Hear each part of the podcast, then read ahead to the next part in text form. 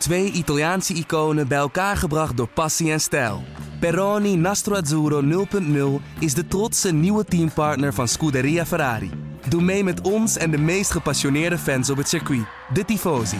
Samen volgen we het raceseizoen van 2024. Salute, Tifosi! Gaat de droom van menig Formule 1-fan uitkomen? Twee Nederlanders volgend seizoen in de Formule 1. Het zou zomaar kunnen. Als je de verhalen mag geloven, heeft Nick de Vries de teams voor het uitkiezen. De vraag is, waar gaat hij dan komend jaar rijden? Dat gaan we in deze pitstop maar eens bespreken met onze AD Formule 1-watcher Arjan Schouten. Mijn naam is Etienne Verhoef en dit is dus weer Pitstop. Was jij verbaasd eigenlijk, Arjan, over het feit dat Nick de Vries ineens op alle lijstjes staat?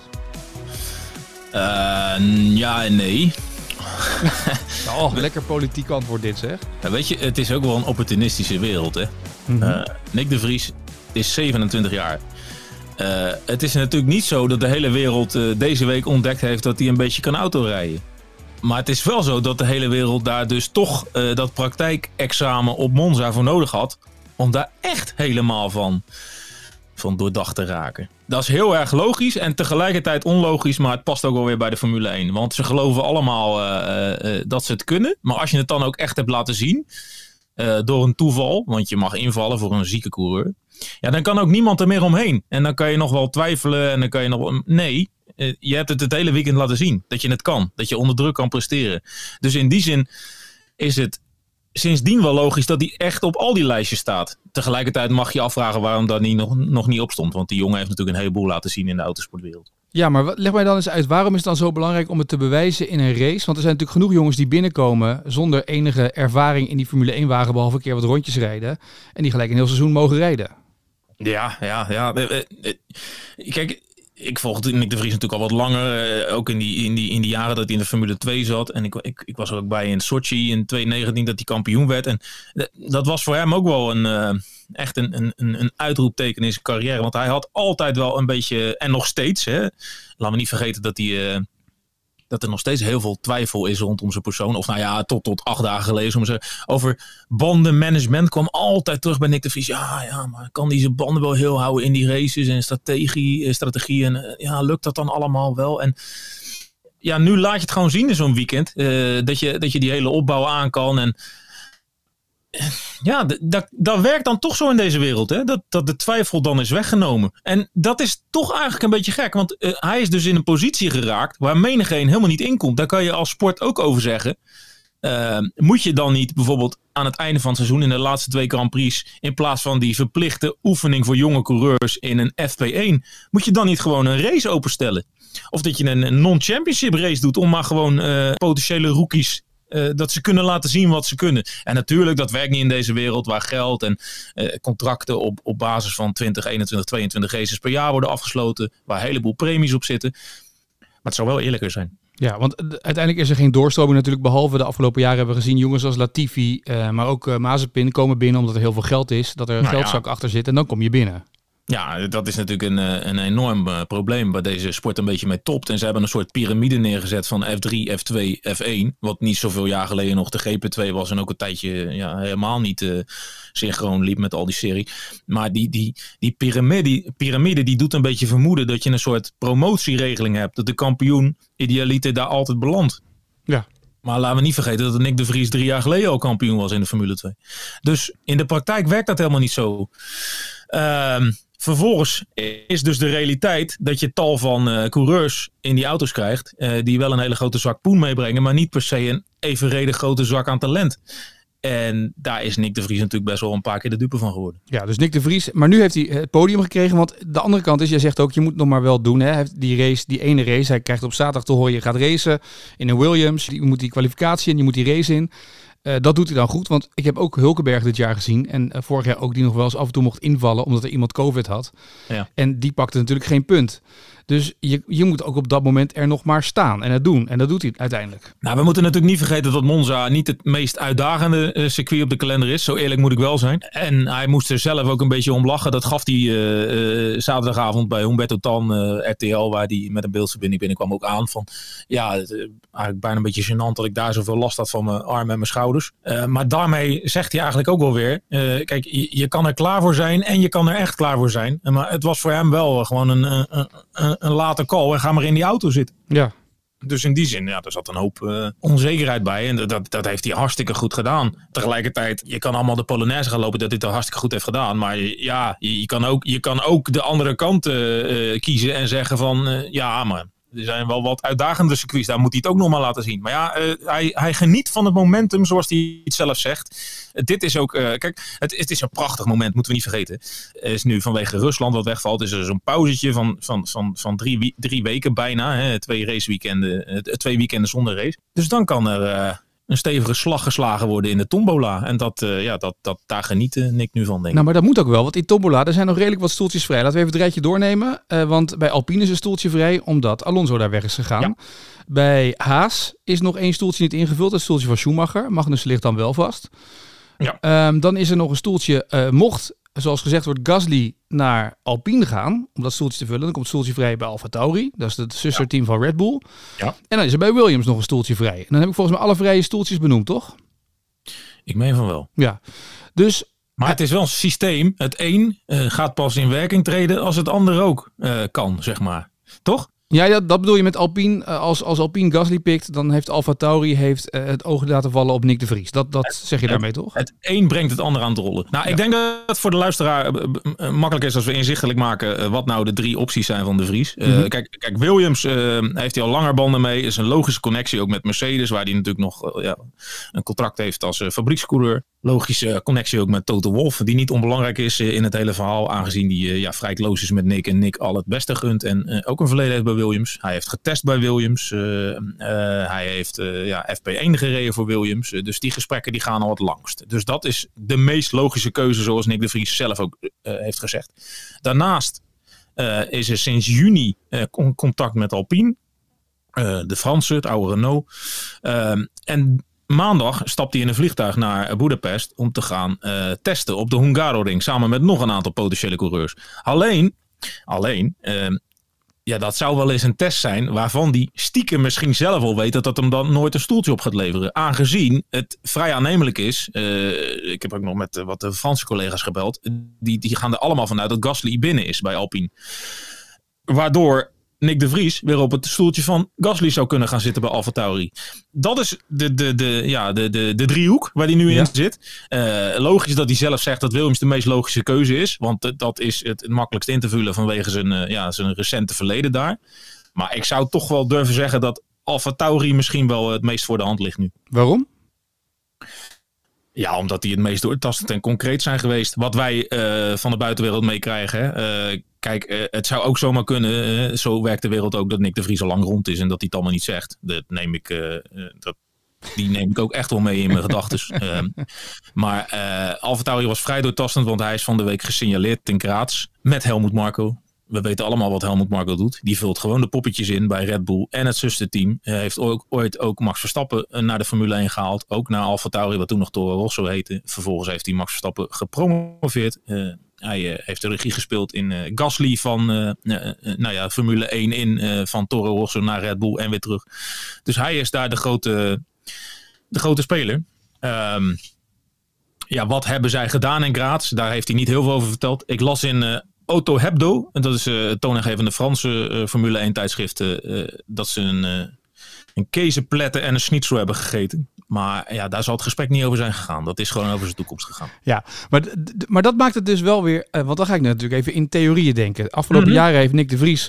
Uh, is hij fabrieksrijder geweest bij Mercedes. Hij kent de ins en outs van het team van Mercedes. Hij staat vaak naast Toto Wolff tijdens een Grand Prix. Ja. Dus als ik Red Bull was en ik wil weten wat uh, gaat Mercedes volgend jaar doen en hoe ver staan ze met de ontwikkeling van die auto en wat speelt er allemaal, zou ik het wel heel interessant vinden om de man die steeds naast Toto Wolff staat met een koptelefoon op meeluistert met wat er tegen Lewis Hamilton wordt gezegd en George Russell, om die man binnen te halen. Toch? Ja. Ja. Dat is een beetje inside information.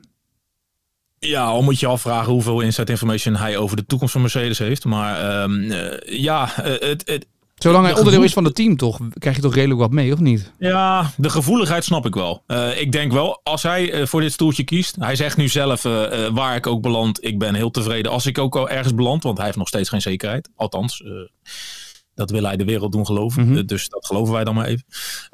maar ehm, ja, ik denk wel als hij daar belandt. Dus dan zit je eigenlijk in de Red Bull uh, stal. Ja, dan worden alle connecties met Mercedes die hij de afgelopen jaren heeft gehad als fabriekscoureur doorbroken. Maar we moeten niet vergeten, Nick de Vries gaat al veel langer terug. Hè? Want Nick de Vries was heel jong. En toen tekende hij al een contract bij McLaren. Mhm. ja, dat is echt heel lang geleden. Toen reed Lewis Hamilton dan nog. En de vader van Lewis Hamilton heeft ook wel eens geprobeerd om Nick de Vries op het pad richting Formule 1 te krijgen. maar goed, dat is het allemaal, allemaal niet geworden. En dan zie je dus maar weer dat er met een heleboel omwegen uh, Formule 1 alsnog op je pad kan komen. Ja. Nou is de naam van Alfa Tauri natuurlijk ook wel enigszins verrassend. Want er werd wel geroepen van, goh, uh, Alfa Tauri heeft een stoeltje vrij volgend jaar waarschijnlijk. Omdat Alpine bezig is uh, met Gasly. En dan zouden we een Frans team daar krijgen. Maar ik had toch steeds het idee dat Hurta, Colton Hurta daar uiteindelijk van de Amerikaanse IndyCar zou overstappen naar Alfa Tauri. Ja, ja, maar dat is definitief van de baan. En daarmee loopt, uh, ja, dat geeft maar weer heel erg uh, aan de makken van het superlicentiesysteem waar Formule 1 nu mee werkt. Superlicentiesysteem, hè, ooit eigenlijk bedacht om ja, niet de rijke luiszoontjes zomaar blind in die auto te krijgen, maar eigenlijk de coureurs die het op talent ook een beetje hebben verdiend. Hartstikke schitterend, alleen werkt deze wereld meestal zo niet. Mm -hmm. um, maar goed, je moet dus een aantal punten op je superlicentie krijgen om überhaupt de Formule 1 in te mogen gaan. En daar ontbreekt het bij Hurta aan. En uh, ja, wat we meekrijgen van de buitenwereld uh, is dat uh, geen van de partijen van zins is. lees Formule 1 of luister Formule 1. Dat bedoelen we eigenlijk om concessies te doen aan dat hele verhaal. dus door Hurta kan de streep. Maar hij race toch gewoon in de IndyCar. Dus waarom, wat zou hij dan nog moeten... Ja, heeft hij ook een keer of zeven gewonnen, meen ik. Maar ja, de, de, de punten die je bijvoorbeeld in Formule 2 en Formule 3 verdient, die wegen veel zwaarder mee. En je snapt, ik, ja, de, de luisteraar ziet dat niet, maar ik zie nu een verontwaardigde blik op het gezicht van Etienne Voet. Uh, en die deel ik met je, want uh, ja, dat geeft ook alweer een beetje aan dat Formule 1 heel erg geïnteresseerd kan zijn in Amerika en Amerikaanse races en Amerikaans geld. Maar dat ze dit hele IndyCar niet zo serieus nemen. Nou ja, dat verbaast mij dus ook weer. Want als je inderdaad zegt, we willen naar Amerika en we hebben, uh, we hebben plannen in Amerika met Vegas volgend jaar erbij, Miami dit jaar erbij. We hebben in Austin een, een Grand Prix al jarenlang waar heel veel mensen op afkomen. Je hebt een Netflix-serie die het waanzinnig doet. Uh, sterker nog, bij ESPN betaalde tot dit jaar 125 miljoen dollar, meen ik, per jaar voor de uitzendrechten. Dat is nu 250 miljoen geworden. Kortom, de, de, de prijs gaat omhoog van Formule 1. Daar moet dus een Amerikaan in gaan zitten. Dus dan lijkt mij toch dat je als Autosportbond ervoor zorgt, of als raceorganisatie, dat je daar geen gedoe mee hebt. Nee. Dit klinkt een beetje als in, ik, je weet ik doe veel met voetbal, ik heb de voetbalpodcast en daar gaat het steeds over de, de trainerslicentie die je moet behouden in Nederland en dat je een aantal punten moet hebben. En daarvoor moet je dan af en toe verplicht opdragen bij een congres waar je niks leert, als nee. je maar je licentie houdt. En dat is een beetje waar dit een beetje ook naar neigt. Ja, het neigt ook gewoon een beetje naar Europese hooghartigheid. Van kijk, ons is de koningsklasse van de autosport zijn en wat jullie allemaal doen, leuk. Maar ja, dat is wel iets makkelijker. Mhm. Mm -hmm. Daar, dat zeg je dus eigenlijk, puur statistisch bekeken. Ja. En uh, ja, het regent dus de laatste dagen negatieve berichten. Uh, Alexander Rossi, uh, wat, wat, wat andere oude indie-corifeeën, ja, die zich heel negatief uitlaten over de Formule 1. Want dit helpt natuurlijk niet mee, dit hele verhaal. Want de Amerikanen zien het ook wel zitten. Colton Hurta dat gaat doen. Maar als je dan zo ja, eigenlijk gewoon een beetje tegengewerkt wordt, ja, werkt dat gewoon wel als een rem op dat hele uh, uh, laten we Amerika veroveren verhaal. En dat is natuurlijk niet zo slim. Nee. Dus daar kan, daar kan definitieve streep doorheen, Hurta. Dat, dat is de, dat is de, daarom is... Ja, dat is, af, dat is afgekaart. Dat ja. heeft Marco ook wel aangegeven eigenlijk. Ja. Dus dat betekent dat daarmee dus uh, het stoeltje voor de Vries vrij zou komen. Heeft hij concurrentie bij... Nou ja, dat zeg je dus vrij. Dat, dat komt dus pas vrij. Ja, als, als Gasly weg is. Oké, okay, ja, okay. want, want, want in de in het hele oude Hertha-verhaal uh, zou uh, Gasly pas mogen vertrekken naar Alpine, hè, Frans team. Je snapt allemaal dat Gasly daar uh, op zich wel meer uitzicht ziet, aangezien hij bij Red Bull al eens een keer gepromoveerd is en gedegradeerd. Willen meewerken, Red Bull, aan het Gasly-vertrek. Maar dan moet daar dus een waardige vervanger voor zijn. Die was gevonden in Hurta. Hurta komt niet. Dan zou je denken, Gasly blijft op die stoel zitten. Maar nu is het ook gevallen op Nick de Vries. Dus dat zou dan de ware stand in kunnen zijn voor Hurta, waardoor Gasly alsnog kan doorschuiven. Ja, goed. Maar het is toch allemaal een beetje een what-if verhaal. Dus daarom begrijp ik ook wel, zolang het één nog niet gevallen is, is voorlopig de enige serieuze optie dus Williams. Nou, weet je wat het met what-if verhalen in de Formule 1 ook vaak is? What-if verhalen die zijn what-if totdat het een raceweek is. En dan op dinsdag, woensdag, donderdag, dan vallen de puzzelstukjes heel vaak één voor één op hun plek. En dat zou dus waarschijnlijk ook kunnen gaan betekenen, denk ik dan ook zomaar, dat Nick de Vries de komende periode wat vaker in een Alfa Tauri zal gaan rijden. In de, trainingen, vrije trainingen. Mm, dat denk ik niet. Nee? volgens mij heeft hij nog een Mercedes-sticker op zijn naam. Oh, natuurlijk ja. Dat, mag, dat gaat er wel. Ja, dus dat kan dan wel gewoon doorgaan. Dat je nog op die Mercedes, in die Mercedes-stoeltjes. Dat je dat. Nou, allemaal... dat weet ik ook niet. Maar dat zal hem denk ik worst zijn. Als hij een contract tekent voor volgend jaar, dan eh, boeit het hem. Uh... Kijk, hij is toch een beetje de chameleon van de paddock. Want we hebben hem volgens mij al in drie outfits gezien dit jaar. Uh, maar wat ik bedoel te zeggen met die puzzelstukjes. Uh, kijk, we krijgen straks uh, over anderhalve week Singapore. Over twee weken. Het zou zomaar kunnen natuurlijk. Hè, voor het momentum en de commerciële waarde van de sport. Dat, dat het dan op op, op, op dinsdag of woensdag opeens een persbericht de wereld in wordt gestuurd. Gasly naar Alpine. Nou, als dat gebeurt, dan weet jij al wat het volgende persbericht is. Ja, precies. En dat, dat plannen ze bij de Formule 1 heel slim. Hè? Dus eerst Gasly naar Alpine. Dan hebben we daar de eerste aandacht voor. En daarna komt het volgende persbericht twee dagen later. Dat de Vries tekent bij Alfa Tauri. Ja, nou, het is, het is nog een tikje hypothetisch. Maar uh, zo gaat het wel vaak. Aangezien de, in die raceweken, hè, dan staat alle focus erop. Alle pers is verzameld. En dan, ja, dan is de Formule 1 weer actief, zeg maar. En ja, dan, dan, dan, dat zijn de momenten. Oké, mag ik dan nog even met jou verder dagdromen in deze? Ja, dat, dat doen we lekker. Dus ja, zeker. Als nou Nick de Vries volgend jaar bij Alfa Tauri tekent en hij heeft een goed jaar, maakt hij door. Het contract van Perez loopt het jaar daarop af. All Dutch Red Bull. Ja, jij, jij zit, zit helemaal in de double nou Dutch. Uh, ik denk, ja, laat ik zo zeggen, als je naar de waarde gaat kijken, wat, wat Zandvoort doet en wat de Formule 1 gekte doet. En als je iets bijzonders wil doen en wat ook past bij, bij Red Bull. Ze zoeken een tweede man die achter Max Verstappen mee kan rijden. Nick de Vries kent die rol waarschijnlijk als geen ander. Ze, kennen elkaar goed. Dat heb je ook gezien uh, bij de laatste Grand Prix die hij dan reed uh, op Monza. Als hij zich bewijst een jaar, waarom niet?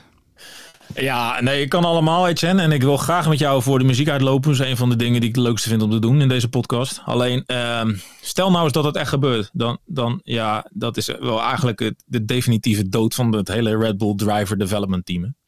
Daarmee zeg je dus eigenlijk, ja, we zijn al jaren aan het vissen, maar er zit niks in de vijver. Ja, maar goed, ja, dat is ook een conclusie toch, omdat niemand zo goed is als Max. Dat is wat je eigenlijk zegt, toch? Ja, nee, zeker. Maar je, je, moet je afvragen of dat de, de, de, de, spiegel der dingen is. Uh,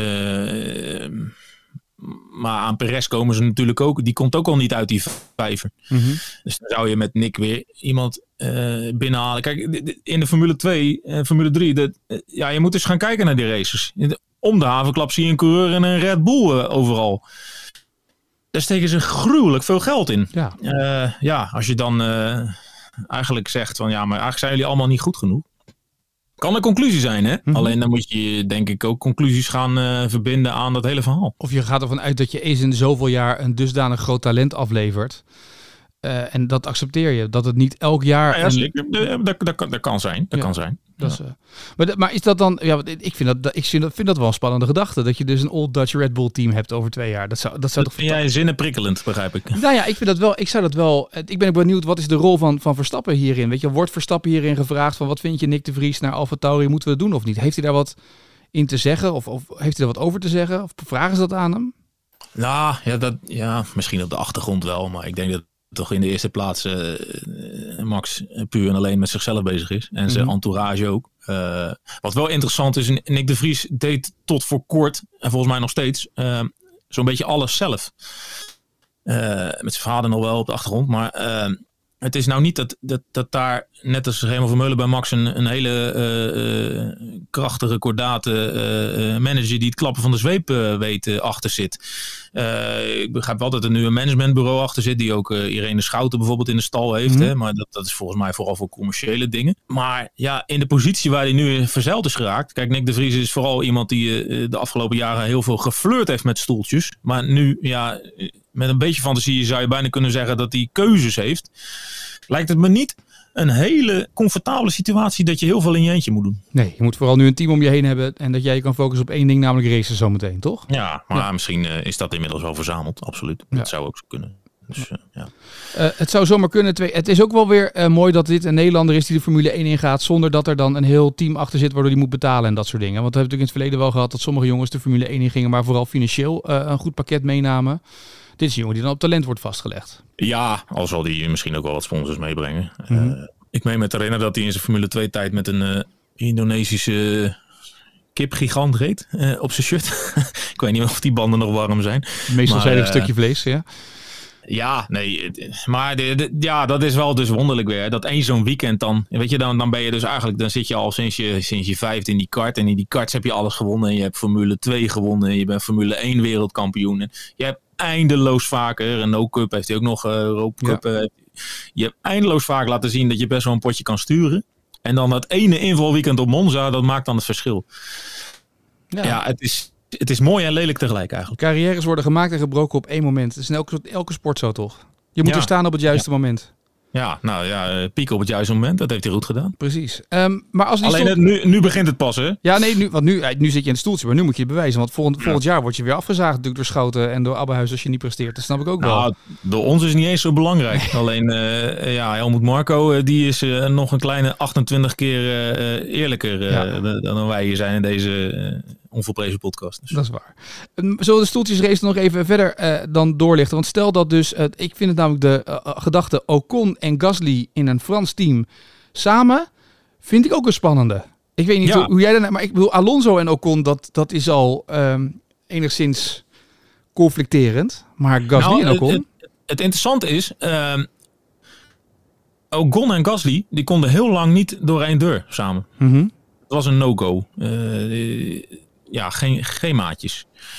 Uh, nou waren daar altijd wat geruchten over. Ja, dan ging je op zoek naar hoe en wat en waar kwam dat door. En de wildste geruchten. Hè, dat, dat de een de vriendin van de ander afgepakt had oh, gepakt. Dus 18, 19. Maar ja, dat blijkt allemaal complete lulkoek. Ik heb het nog eens uitgezocht bij een Franse collega. Maar uh, uh, het zit hem veel dieper. Uh, Ocon, hè, we kennen allemaal dat het verhaal. Ocon had niet de allerrijkste ouders. Mm -hmm. Ocon is een beetje de, de, ja, de, de, de Franse Hamilton. Hè? Ja. Is een beetje van ja, streetwise. die heeft zich echt opge, opge, opgetrokken richting die klas. En er heeft heel veel frustratie gezeten in, de, in het verleden. tijdens de, dat ze talenten waren. Dat de Franse ja, bond, zullen we zeggen. De Franse Autosportfederatie uh, volgens de Ocon-clan lag de steun van de Franse federatie uh, veel te veel bij Pierre en niet bij Ocon. Maar goed, ze zijn wat ouder, ze zijn wat wijzer. Uh, de jaloezie is wat geslonken nu ze allebei al jaren in de, auto, in de, in de koningsklasse verzeild zijn geraakt. Dus inmiddels zou dat huwelijk wel moeten werken. Ik zie nu al een mooie reclame voor met de Le Vraiment Beur. Weet je, dat je de tafel zet samen met de croissant en dan zegt met echte boter. Echte ja. boter, hè? Maar wie is dan Rudy Vuller? Ja, weet ik nog niet. Ben ik over nadenken wie dat dan is. maar goed, dus dat is wel een aardige. Uh, uh, dat zou een aardig team zijn. Maar wat gaat er dan nou bij? Ja, ja. Niet, niet alleen aardig. Het zijn, naast dat het hele leuke gasten zijn allebei, zijn ze ook nog best wel uh, ja, steengoed. Ja. en als het Alpine gaat draaien, ja, dan heb je toch wel een aardige. kijk, je levert Alonso in. En daar leef je natuurlijk een pak aan ervaring en snelheid mee in. Maar ja, je kan er niet aan omheen dat die man natuurlijk best wel een klein beetje op leeftijd is. Dus het is niet de toekomst. Kijk, als jij Ocon en Gasly hebt, ja, die zijn een beetje de, de, de, de generatie Max. Ja, die is in, in wezen nog vijf of tien jaar mee. Dus dan heb je wel een all-French team. Kijk, wij zitten nu over de double Dutch de, de nou, erover. Hier, maar ja. uh, wat denk je dat die Fransen aan doen Die Fransen hebben het al. En die hebben, bovendien past dat prima in het, in het 100 races plan, hè? Want ik bedoel, die hebben natuurlijk een 100 races plan bij, eh, bij Alpine. En dus hebben daar van nu zo'n 20 gehad, of 13, 14 van de 100. Dus over vijf jaar moeten zij aan de top staan. Dat is het hele plan. Ja, maar ik denk dat dat L-plan vooral uit de koker van Alonso kwam. Ik denk als Alonso straks weg is, dat dat snel losgelaten wordt. Oh, dat het iets minder races worden, 50 races. En dan moeten ze aan de ja, top staan. Okay, ja. dus laten we de andere stoeltjes dan doorpakken. Want Haas, daar wordt dan weer gezegd nu dat... Ja, wie, wie gaat dat stoeltje invullen? Daar komt ineens een ervaren naam weer in opzetten. Ja, snap jij dat? Nou, is, ja, ja ik, weet, ik weet niet of het waar is. Ja, maar het is toch ook wel een beetje armoedig dat je dan weer bij uh, uh, de generatie uh, die er al tien jaar in heeft gezeten uitkomt. Ja, maar dat is wel. Dat, dat, dat, dat, zou dat serieus zijn? Dat Haas dan echt zegt: we gaan met ervaren. Dus heb je aan de ene kant heb je, heb je Magnussen zitten. En aan de andere kant heb je Hulkenberg die dan inschuift op die stoel. Ja, ja, ja die naam hadden we nog niet genoemd. Maar nee. die, die, die zou dan in beeld zijn. Ja. Maar ja, ik het wel een beetje armoedig. Ja. Het, klinkt meer als 2012 dan als 2022. Maar ja, bij Haas uh, zijn ze natuurlijk als. Ja, ze hebben wel eens gezegd, hè. Uh, die uh, Stein heeft wel gezegd: ik ga nooit meer met rookies werken. Met twee rookies tegelijk, want dat, dat, dat, dat levert alleen maar ellende op. En ze hebben natuurlijk met, uh, met Magnussen begin dit jaar wel gezien dat je, ja, als je dan wat ervaring inzet, dat het er wel meteen kan lopen. Alleen ja, het is nou ook niet zo dat ze de afgelopen weken heel, heel lekker presteren. Dus ja, zeg het maar waar je wijs aan doet. En Williams dan? Ik vind het interessante dat uh, uh, ja? ja? Schumacher Ja, die wordt daar dan gepiepeld. Die Maar, op de wip zit. maar die zou dan natuurlijk wel weer naar Williams kunnen, toch? Ja, maar ja, dan, waar, waar ben je dan aan doen? Als, als, kijk, hij heeft de mooiste achternaam van de Formule 1. Dat hebben we al honderdduizend keer geconstateerd. Eh, maar als jij na twee jaar bij Haas al op de wip zit... Mhm. Ja, dan moet je eigenlijk ook een beetje afvragen wat dan je uitgangspositie nog is. En ik weet wel dat, eh, dat Ferrari nog eh, met hem aan het praten is en, en nog een heel toekomstplan zien. Want ik snap ook wel als een Schumacher ooit in het rood belandt. Maar misschien moeten we voorzichtig een beetje constateren dat Schumacher gewoon eh, eh, ja, nog geen schim is van wat zijn vader ooit was. Dat, dat mogen we nu toch wel zeggen? Nee, zeker. Dat mag, dat mag je zeker zeggen. Ja. Ehm, maar, maar wie gaat dan dat stoeltje bij Williams opvullen? Wat gaat Williams dan doen? Komt hij dan ook met een oude naam of gaat hij, ook voor, gaat hij, gaat hij dan voor jong talent? Want ik vind het wel bij Williams passen om nu iets anders te doen dan anders. ja, maar bij Williams lees je wel veel over die, eh, hoe heet die gozer? Surgeon? Mhm. Dus ja, die. eh, eh, misschien dat die, maar dat zou wel ja, eigenlijk een beetje een experiment zijn. Want die komt ook dan wel een beetje. ja, hoe moet je dat zeggen? Eh, uit het niks. En die heeft ook zijn superlicentie volgens mij nog niet. Dus die, die, die moet nog wat punten halen. Dus daar zit ook nog een hoop mitsen en maren bij. Dus eh, Ja, misschien heeft Williams wel volledig ingezet op Nick de Vries. En toen bleek ineens dat het niet ging, omdat Nick ineens naar een ander team gaat. En dan, Ja. heb je, dan moet je weer gaan. nou, opnieuw- het, het- het- het goede nieuws zou wel zijn als Latifi daar moet wieberen. Want eh, allemaal leuk en aardig, maar die man kan er natuurlijk niet heel veel van. Jongens, pas nou op. Dat heeft Max Verstappen een wereldtitel opgeleverd, hè? Die Latifi. Dat is waar. Dat is, Ja, eh, ja, Als Latifi die, eh, die wagen niet in de muur had gezet, dan was het echt... Met echt een oranje bril gezien is dat misschien wel zijn hoogtepunt uit zijn Formule 1 carrière. Ja, precies. Goed. Nou, eh, de tombola gaat verder. De tombola is nog niet eh, volledig tot stilstand gebracht. Eh, volgende week zijn we weer met een nieuwe pitstop. En dan gaan we vooruitblikken op die race in Singapore. En ook maar eens kijken of er al nou, wat stoeltjes zijn ingekleurd langzamerhand. Misschien deze week wel. Gewoon even één stoeltje. En dan volgende week het volgende stoeltje. Ja, ja, nou ja, het zou wel fijn zijn, want eh, ja, hoe minder erin te vullen is, hoe, eh, hoe makkelijker het allemaal wordt. Voor ons wordt die puzzel. Tot die tijd is het toch heerlijk om die krantenkolommen te vullen met allerlei wha- what-ifs en mitsen en Ja, maren. maar dit is wel eh, eh, de tijd van eh, hypothetisch gebrabbel. En dat is allemaal leuk, maar dat moet ook niet te lang duren. Nee, dat is waar. Nou, je hebt Nick de Vries vaak gesproken in het verleden. En wat je al zei, in zijn carrière je hebt veel meegemaakt. En volgens mij kan je wel zien, toch, dat, dat weet jij beter dan wij, dan wij, maar dat hij er echt wel klaar voor is om nu in die Formule 1 wagen te gaan zitten. Ja, maar eh, wat ik een paar keer heb proberen te zeggen in deze podcast, ik denk dat hij er vorig jaar ook al wel klaar voor was. Ja. En eh, ja, dat, toen, toen was hij bij Alfa een kandidaat. Hè? En eh, toen verloor hij uiteindelijk het verhaal tegen die Chinees, Zhu. Mhm. Ja, hij heeft best wat leuke dingen laten zien. Maar het is nou niet zo dat hij significant beter is dan een De Vries, denk ik. Nee. Ik denk eerder andersom. Dus ja, daar heeft de zak geld het van hem gewonnen. En het zou wel heel mooi zijn als Nick nu eens van de zak geld wint. Mooi. Eh, Arjan, dank voor vandaag. Eh, volgende week op naar Singapore met de voorbeschouwing. En maar eens kijken wat er de komende week allemaal weer gaat gebeuren, toch? Zo is dat. Tot Gaan we dan! doen.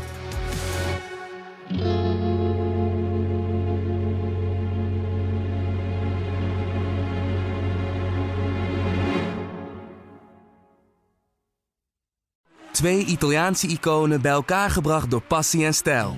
Peroni Nastro Azzurro 0.0 is de trotse nieuwe teampartner van Scuderia Ferrari. Doe mee met ons en de meest gepassioneerde fans op het circuit, de Tifosi. Samen volgen we het raceseizoen van 2024. Salute, Tifosi!